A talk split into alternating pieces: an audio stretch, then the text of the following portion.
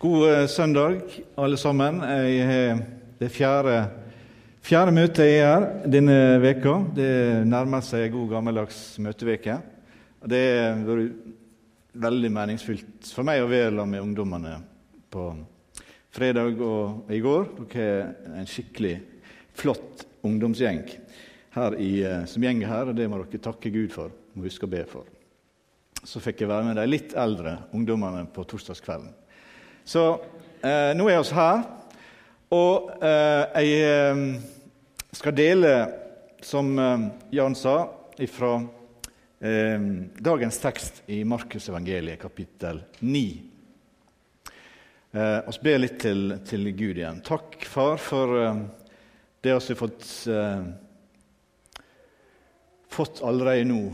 Takk for ordet ditt, og takk for at vi skal få være med og løfte opp ditt navn på en sånn måte. Og vi ber her om at vi skal få løfte ditt navn i vårt hjerte, i vårt sinn, i vår tanke. Vi ber om at du må komme oss nær i disse minuttene som vi har. Lære oss noe, vise oss noe som kan forandre livet vårt, som kan endre kursen vår, som kan være med, føre oss nærmere deg og det oppdraget som du har gitt oss. Kom oss nær, gode Gud. Amen. Markusevangeliet er det andre evangeliet i testamentet vårt. Og um, det er det korteste evangeliet. 16 kapittel.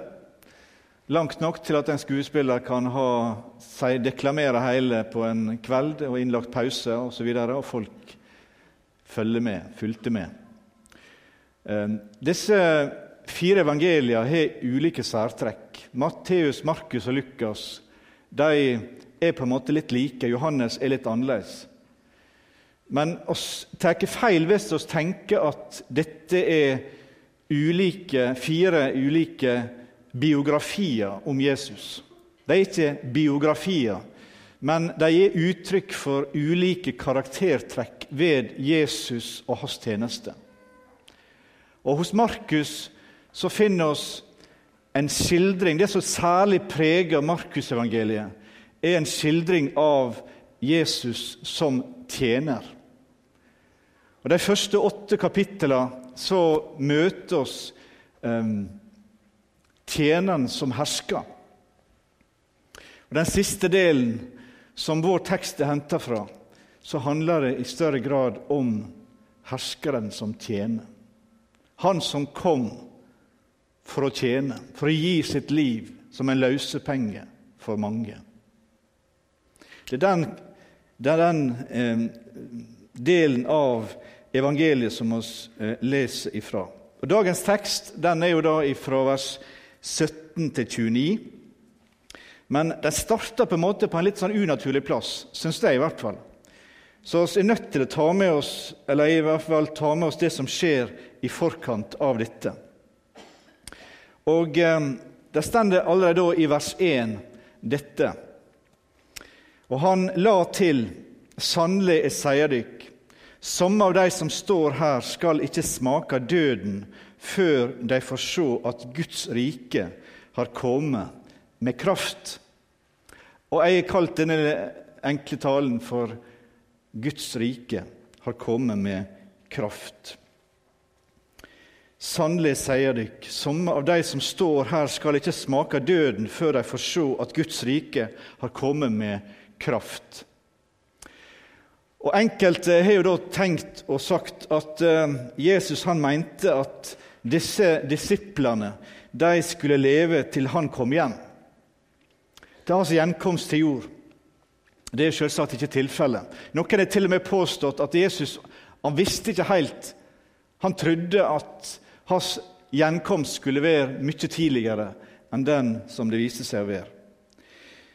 For oss som tror på en inspirert bibel av Den hellige ånd, så um, avviser selvsagt sånne tanker. Det Jesus viser til, det er det vi kan lese i versene som kommer etterpå. Han sikter til den forvandling som noen av hans læresveiner skulle bli vitne til.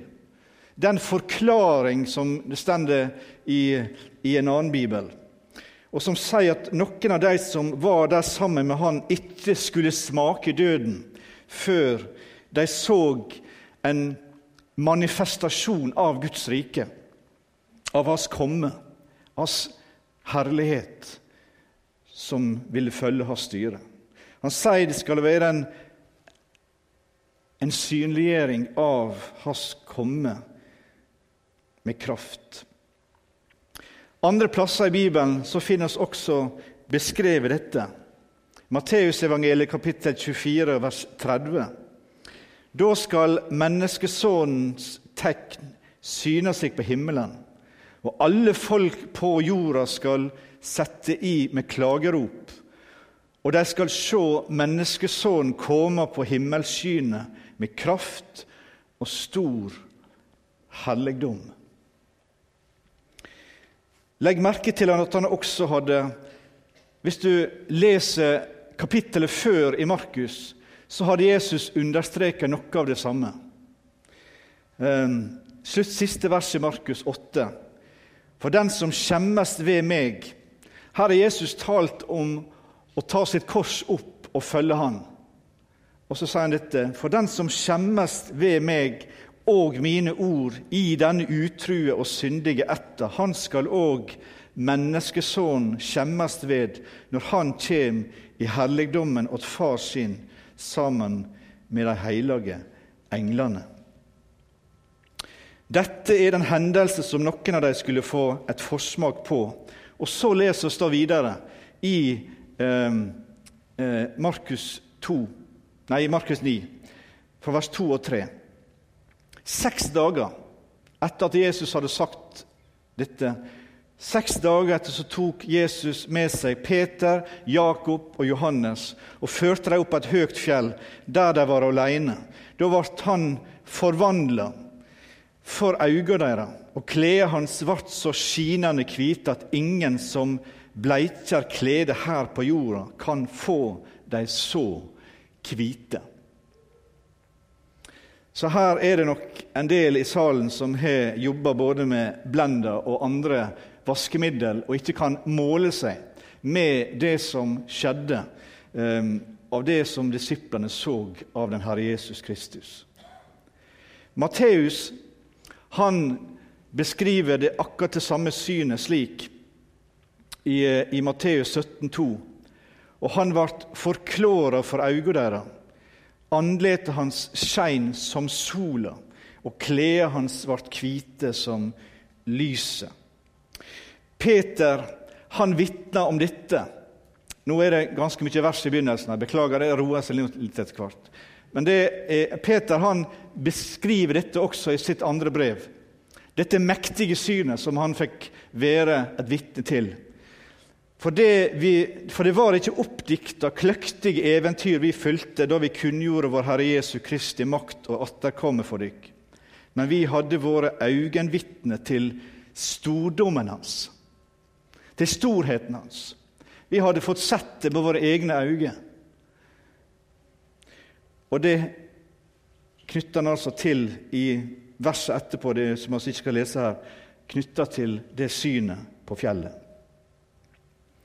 Endelig, i Jesus' i ypperste prestelige bønn, som vi gjerne kaller eh, Johannesevangeliet, kapittel 17, så det, ber Jesus slik, Johannes 17, vers 5.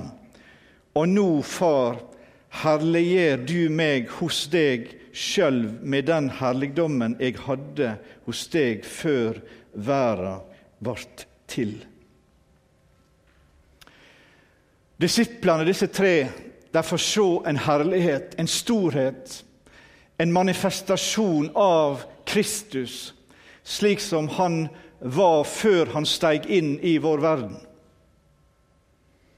Og slik som han skal være etter at han henter sitt folk hjem. En åpenbaring av hans storhet og hans kraft og hans makt. For meg så er dette som skjer her, et så sterkt vitnesbyrd om hva Om den kjærlighet som dreiv Jesus til korset, til Golgata, for deg, for meg, for alle oss mennesker. For meg så taler dette om at det Kristus, han som gikk, steig opp på, la med disse tre læresveinene opp på det høye fjellet, sannsynligvis eh, Hermonfjellet i Israel. Han steg dit opp, og så blir han forklara, så blir han forvandla til denne herlighetsskikkelse. Og Det skal ikke oss lese videre, men han er der sammen med Moses og Elia. Og Det sier noe om hvordan, hvor enkelt det var for den Herre Jesus Kristus å tre ut av den tilstand han var i, og trekke seg tilbake. Trekke seg ut av tida, om du vil, og tilbake til den herlighet som han hadde hos sin far før denne verden var til. Kristus kunne gjort det når som helst, men han gjorde et valg. Han var dreven av sin kjærlighet til mennesket. Og han var dreven av lydighet til sin far i himmelen. Derfor gikk han ned av fjellet. Derfor så fortsatte han sin vandring. Derfor så gikk han til Golgata. Jeg og du må dø en dag. Hvis vi ikke opplever den dagen da Herren kommer og henter sitt folk i sky. Men det er for oss mennesker slik at det er vår lodd å dø. Han, men han trengte ikke å dø. Han gikk den veien og sette sitt liv til for mennesket. Poenget med denne forhistorien er altså en demonstrasjon av Guds rike. I Bibelen så er Guds rike konstant. Det er, um, det er konstant, det er vare hele tida. Men det framstår i Bibelen i hva skal jeg si, ulike karakterer. Ulik synlighet ulike manifestasjoner, ulik kraft. Og Det ser vi når vi leser i Bibelen, hvordan dette vandrer ifra det, det, det, det kraftfulle og synlige til et nærmest fravær av Gud som gjør at salmistene roper etter Gud og profetene. Og så er det veldig tydelig før og etter Exodus, utgangen fra Egypt, hvordan Gud er så synlig til stede mellom sitt folk. Og ser det under Elias, Elisa. Og ser det i eh, varierende grad.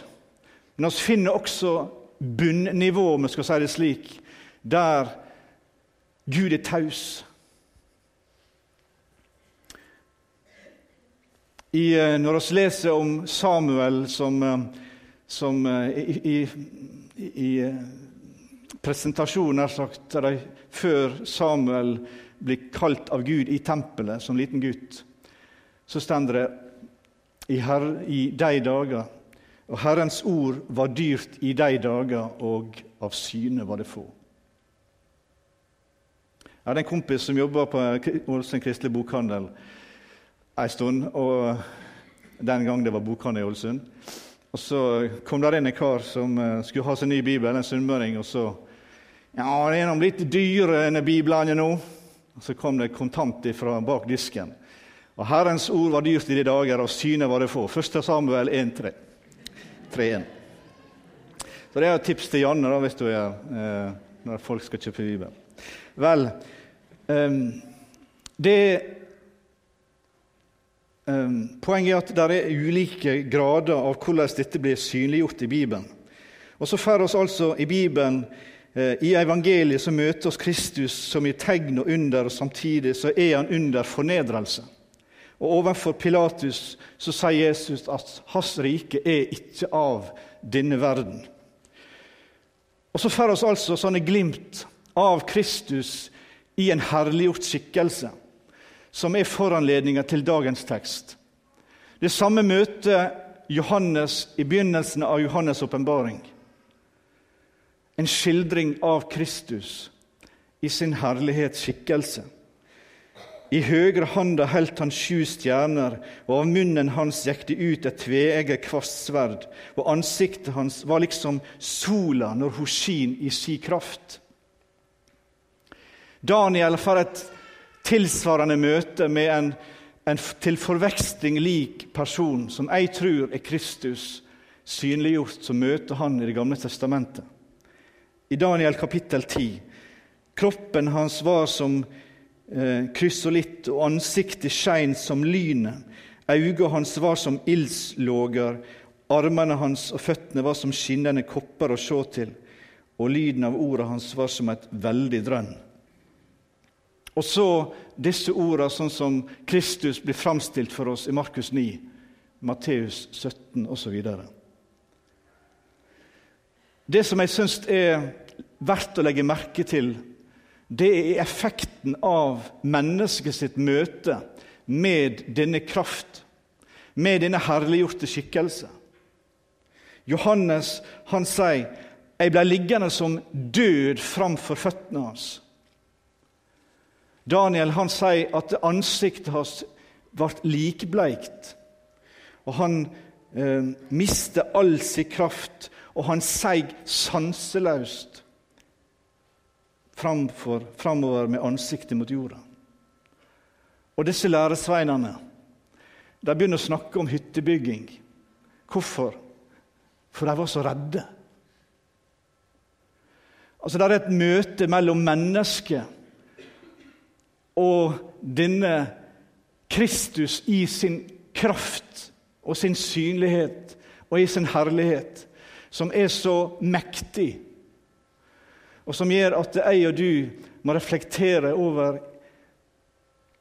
hvordan oss forholder oss til denne Gud. I Bibelen så stender det fra 5. Mosebok 6 du skal frykte og elske Herren din Gud. Han som ga seg sjøl til soning for alle våre synder. Kristus. Og han skal vi elske. Men den samme Gud skal oss også frykte. Den samme Gud skal oss eh, få komme til med vår ydmykhet, med vår synd, våre nederlag å møte kongen og frelseren med ydmykhet.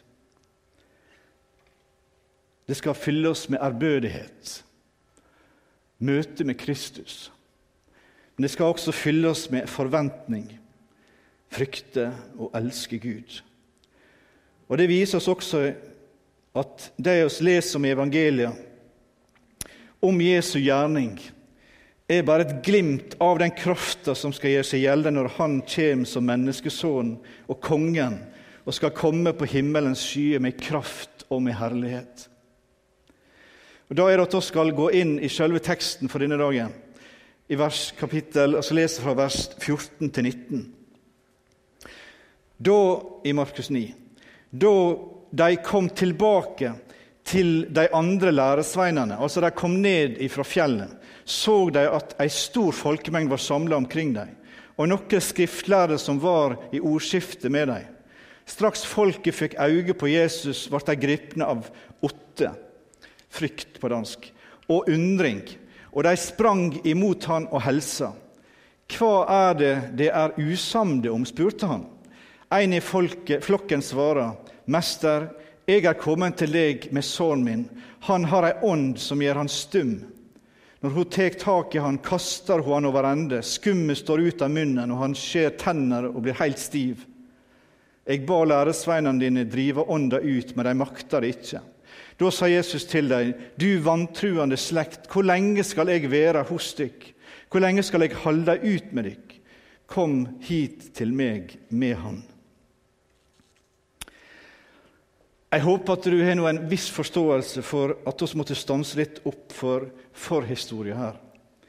For jeg tror at vi må vise en smule forståelse med disse disiplene. Jesus og læresveinene er nå tilbake i den nåværende verden. Og overgangen ifra forklarelsen, transformasjonen, forvandlinga av Kristus tilbake til dette er jo en gedigen nedtur. Nå var de tilbake til de små utfordringene, de store utfordringene. Til tvil, til tru, til åndsmakt, til synd osv. Ja, de var truløse, slik som Jesus sa. Men de hadde sannelig også et vanskelig problem for seg. Og det er klart at denne gutten ble, de ble konfrontert med, han som var et vanskelig tilfelle å håndtere. Og sjøl Jesus innrømte jo det, eller anerkjente jo det etterpå. Så kom tilbake til det på slutten. Dette er ikke et tilfelle av epileptisk anfall. Her er sikkert minst én lege i salen.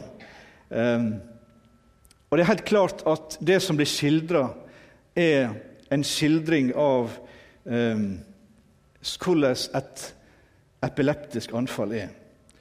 Symptomer som er registrert her, um, er de klassiske på, på, det.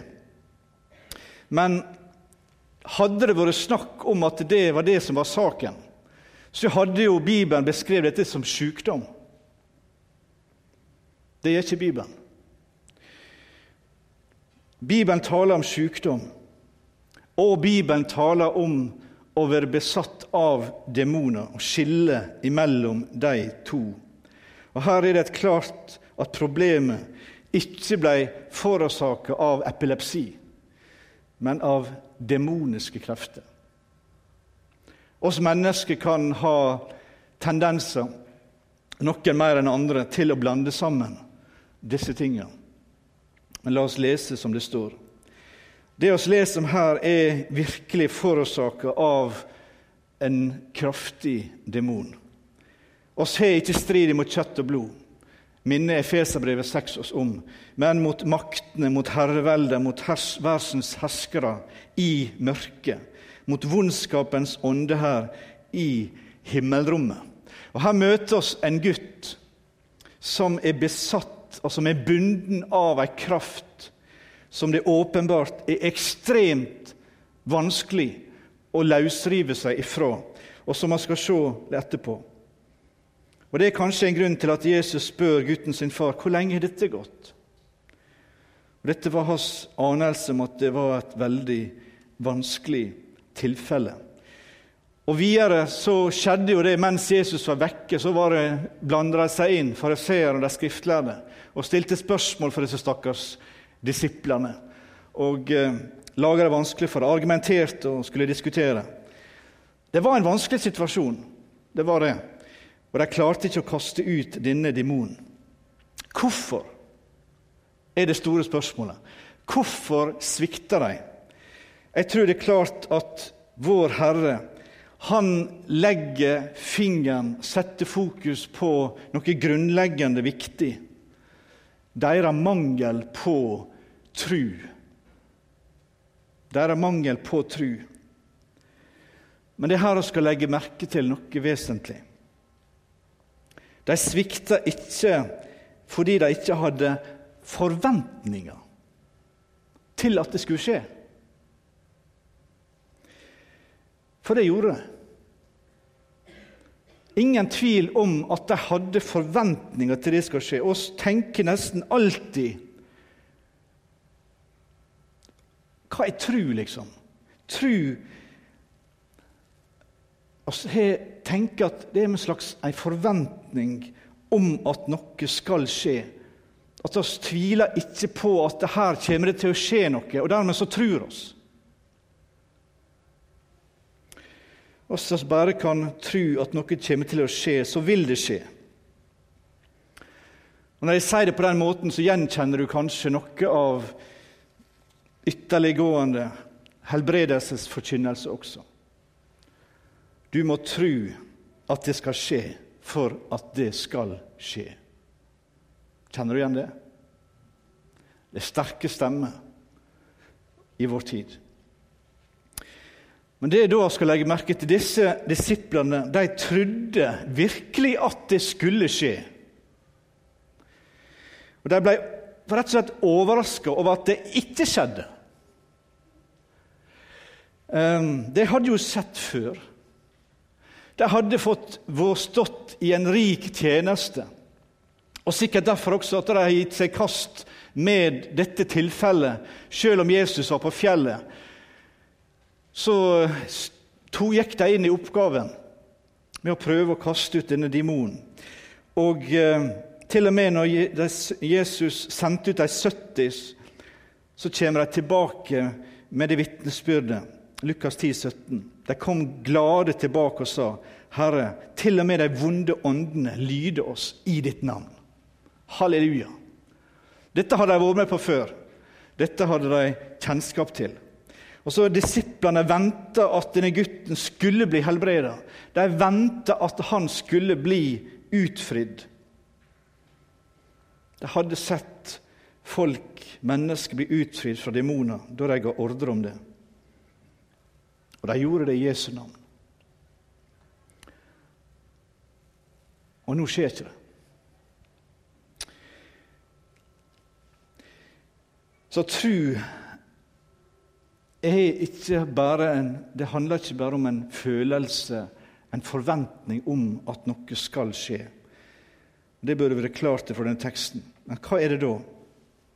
Ja, Jesus sier deres problem er deres vantru. Og Likevel hadde de en slags tru, de forventa noe skulle skje. Så hva er det Jesus mener? Hvis vi tenker på det, så kan du se hva som skjedde. De hadde tru, men den var forandra fra å tru på at Gud kunne gjøre noe, til en tru på at det de skulle gjøre, var selve saken.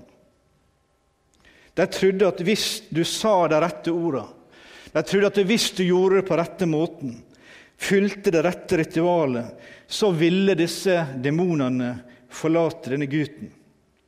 Uten at de likte det, så hadde de overført sitt tru på tilliten, tilliten til Gud, som kan handle, og til en slags formel for hvordan dette skulle skje. Og dette er noe som vi ofte gjør sjøl. Vi kommer til å tenke at det er ordene som vi sier, gjennom måten som vi sier dem på, eller hva som skjer i våre liv, som er den virkelige grunnen til at ting skjer. I stedet for at det handler om Gud. Det er Gud som handler. Jeg tror det er dette Jesus irettesetter dem for, og sa at deres tru må være til Gud sjøl hvis det skal være frisk, hvis det skal være en vital tru. Vi leser litt videre, for krafta til den slags tru er nemlig eksemplifisert i det som vi leser videre, fra vers 20 til 27. De førte gutten bort til han, og med det samme ånda fikk se Jesus, reiv og sleit ho i gutten så han falt til jorda og velte seg med skum om munnen. Hvor lenge han har hatt det slik, spurte Jesus. Fra han var liten, svarer faren. Ofte har ånda kasta han både i eld og vann for å ta livet av han. Men om du kan, så ha medkjensle med oss og hjelp oss. Om jeg kan, svarer Jesus. Alt er mulig for den som tror. Straks roper faren, jeg tror, hjelp mi vantru. Da Jesus så folket strømme til, trua han den ureine ånda og sa, Du stumme og døve ånd, jeg byr deg, far ut av han og kom aldri mer tilbake. Da skreik hun høyt, reiv og sleit i han og for ut. Gutten lå livløs, og alle sa at han var død. Men Jesus tok han i handa og hjelpte han opp, og han reiste seg. Legg merke til farens ærlige vantru når han sier hvis det er noe du kan gjøre, hvis det er noe du kan gjøre, vær så snill, hjelp oss. Og Her møter oss bare ei, ærlig sjel, ei ærlig erklæring om hvor han er. Og Jesus utfordrer han forsiktig om, om jeg kan. Om jeg kan. Nei, det er aldri problemet. Det er ikke om jeg kan, men om du tror. Hvis du ikke bare vil tro på en Gud som kan, men en Gud som vil det, så kan det gjøres. Ingenting er umulig for den som tror. Ingenting. Problemet er er ikke her, men problemet er hos deg. Og Straks så er det at um, denne mannen gjør noe som er så fint, og en setning som, som jeg tror millioner av kristne har klinga seg til i møte med disse spørsmålene her. Jeg tror, hjelp mi vantru. Ut ifra sin ærlighet om sin egen svakhet så kaster han seg framfor Herrens åsyn, framfor Gud. Ja, Herre, jeg tror, men jeg kjenner sånn på min vantru. Og jeg veit, ikke hvordan jeg skal håndtere det. Du må få meg til Du må hjelpe meg. Du må få meg til å tro. Den slags tru er sannelig liten, men den slags tru er som et sennepsfrø som er i stand til å flytte fjell. I det øyeblikket han sa disse ordene, øyeblikket der han kasta seg i sin hjelpeløshet, i sin svakhet, og hadde kun sin Herre å sette sin lit til. Det var det som er Guds mulighet. Det er det som er Guds mulighet i vårt liv. Når Herren blir stor, når det er Han som oss eneste kan sette vår lit til. Herren talte disse ordene, og hans sønn blei utfridd. Og Du kan se hvor alvorlig denne saken var. Sjøl etter Jesu befaling så er det at denne ånda river og sliter i denne gutten. Reiv i han, forlater han som død. Men Jesus tar han i handa, så reiser han opp. Jeg har lyst til å poengtere et par ting. Når vi snakker om sykdom i denne verden, så er vi inne på et tema der vi skal få komme med vår nød, vår, vår hjelpeløshet, med vårt bønnebegjær, samme hva det måtte gjelde, samme hva fortvilt situasjonen er, samme hva håpløst en sykdomssituasjon er i våre øyne. Men det er opp til Gud å gjøre hva som tjener vår sak. Jo da, jeg er klar over at mennesket kan kommandere Gud. Og du finner igjen eh, mange eksempel på at mennesket kommanderer Gud til å gjøre det som oss sjøl mener er rett å gjøre. Jeg har nevnt det før, og jeg nevner det nå igjen. Det er et eksempel i Matteus 8 som jeg og du trenger å trekke lærdom av, og som Jesus sjøl peker på ved en veldig tydelighet. I Matteus 8, i møte med den romerske høvedsmannen, eller offiseren eller centurion som, som han møtte, og som sier, som har en sjuk tjener.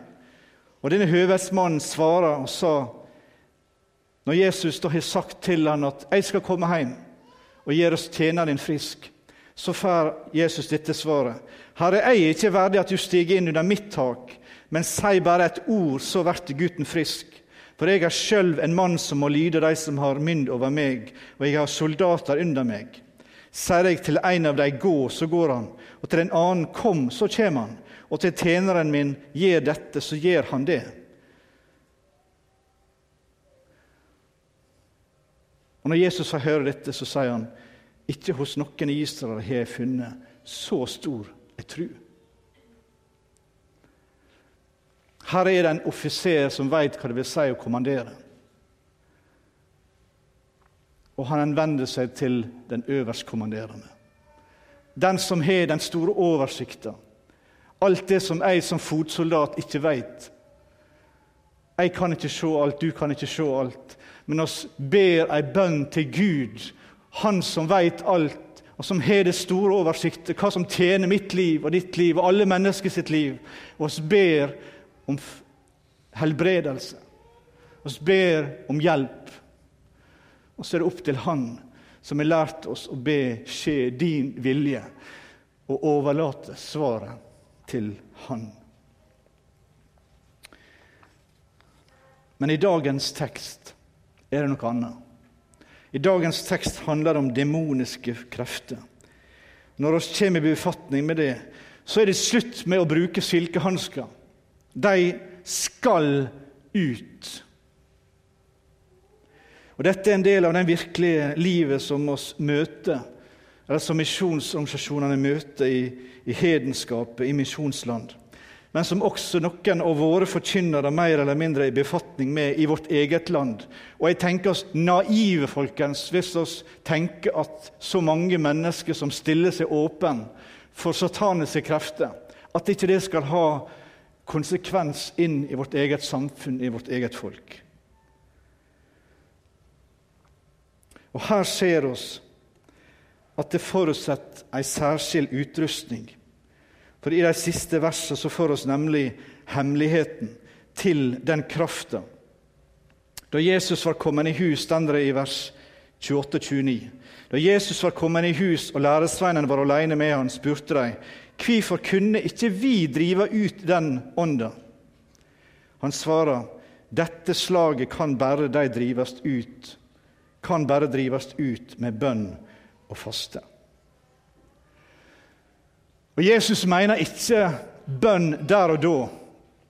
Jesus sa ikke ja, nå må vi ha minst 45 minutter med bønnemøte, og så skal jeg gå i gang. vet du. Jesus snakker ikke om bønn der og da. Han snakker ikke om en slags bønn som å si i det øyeblikket en vil drive ut en demon. Nei, Jesus snakker om en livsstil i bønn.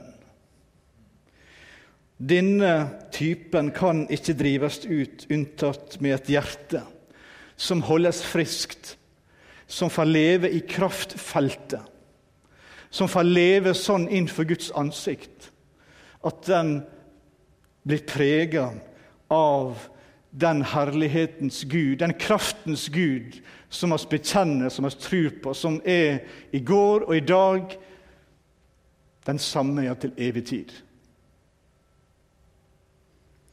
Jesus var alltid i kontakt med sin far. Han bar alltid på sin fars kraft. Han gikk alltid i tillit til Gud, og han henviste alle hendelser av hans eksistens til sin far som bodde i han og han ba konsekvent og stadig til sin far og søkte han så ofte han kunne.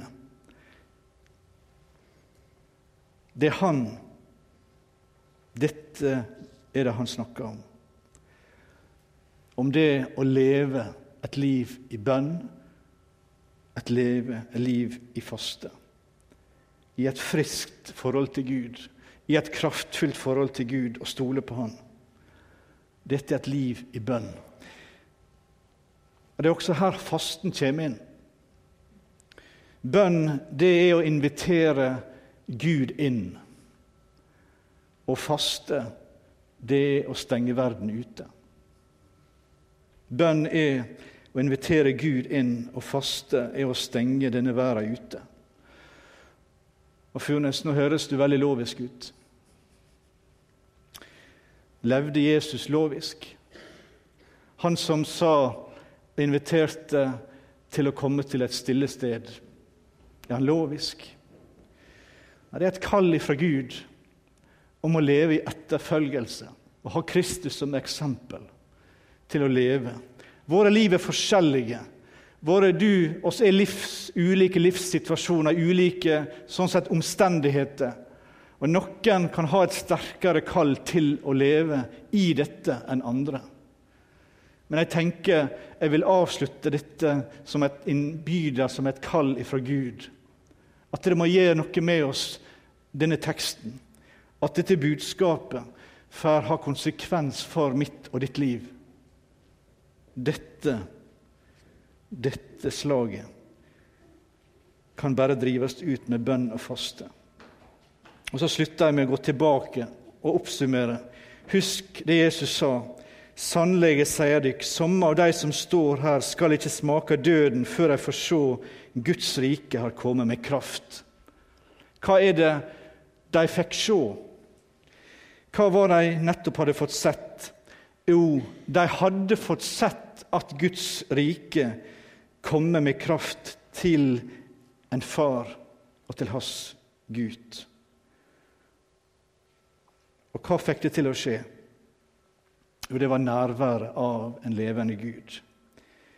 Og en tillit opprettholdt i konstant kommunikasjon med Han. Dette gjør det mulig for Guds rike å komme med makt også inn i våre liv. Inn i menneskets liv i dag, i våre dagligliv, i våre mandager og tirsdager her og nå, så kan Gud få åpenbare sin kraft gjennom sitt folk. Er Gud for oss, hvem er da imot oss?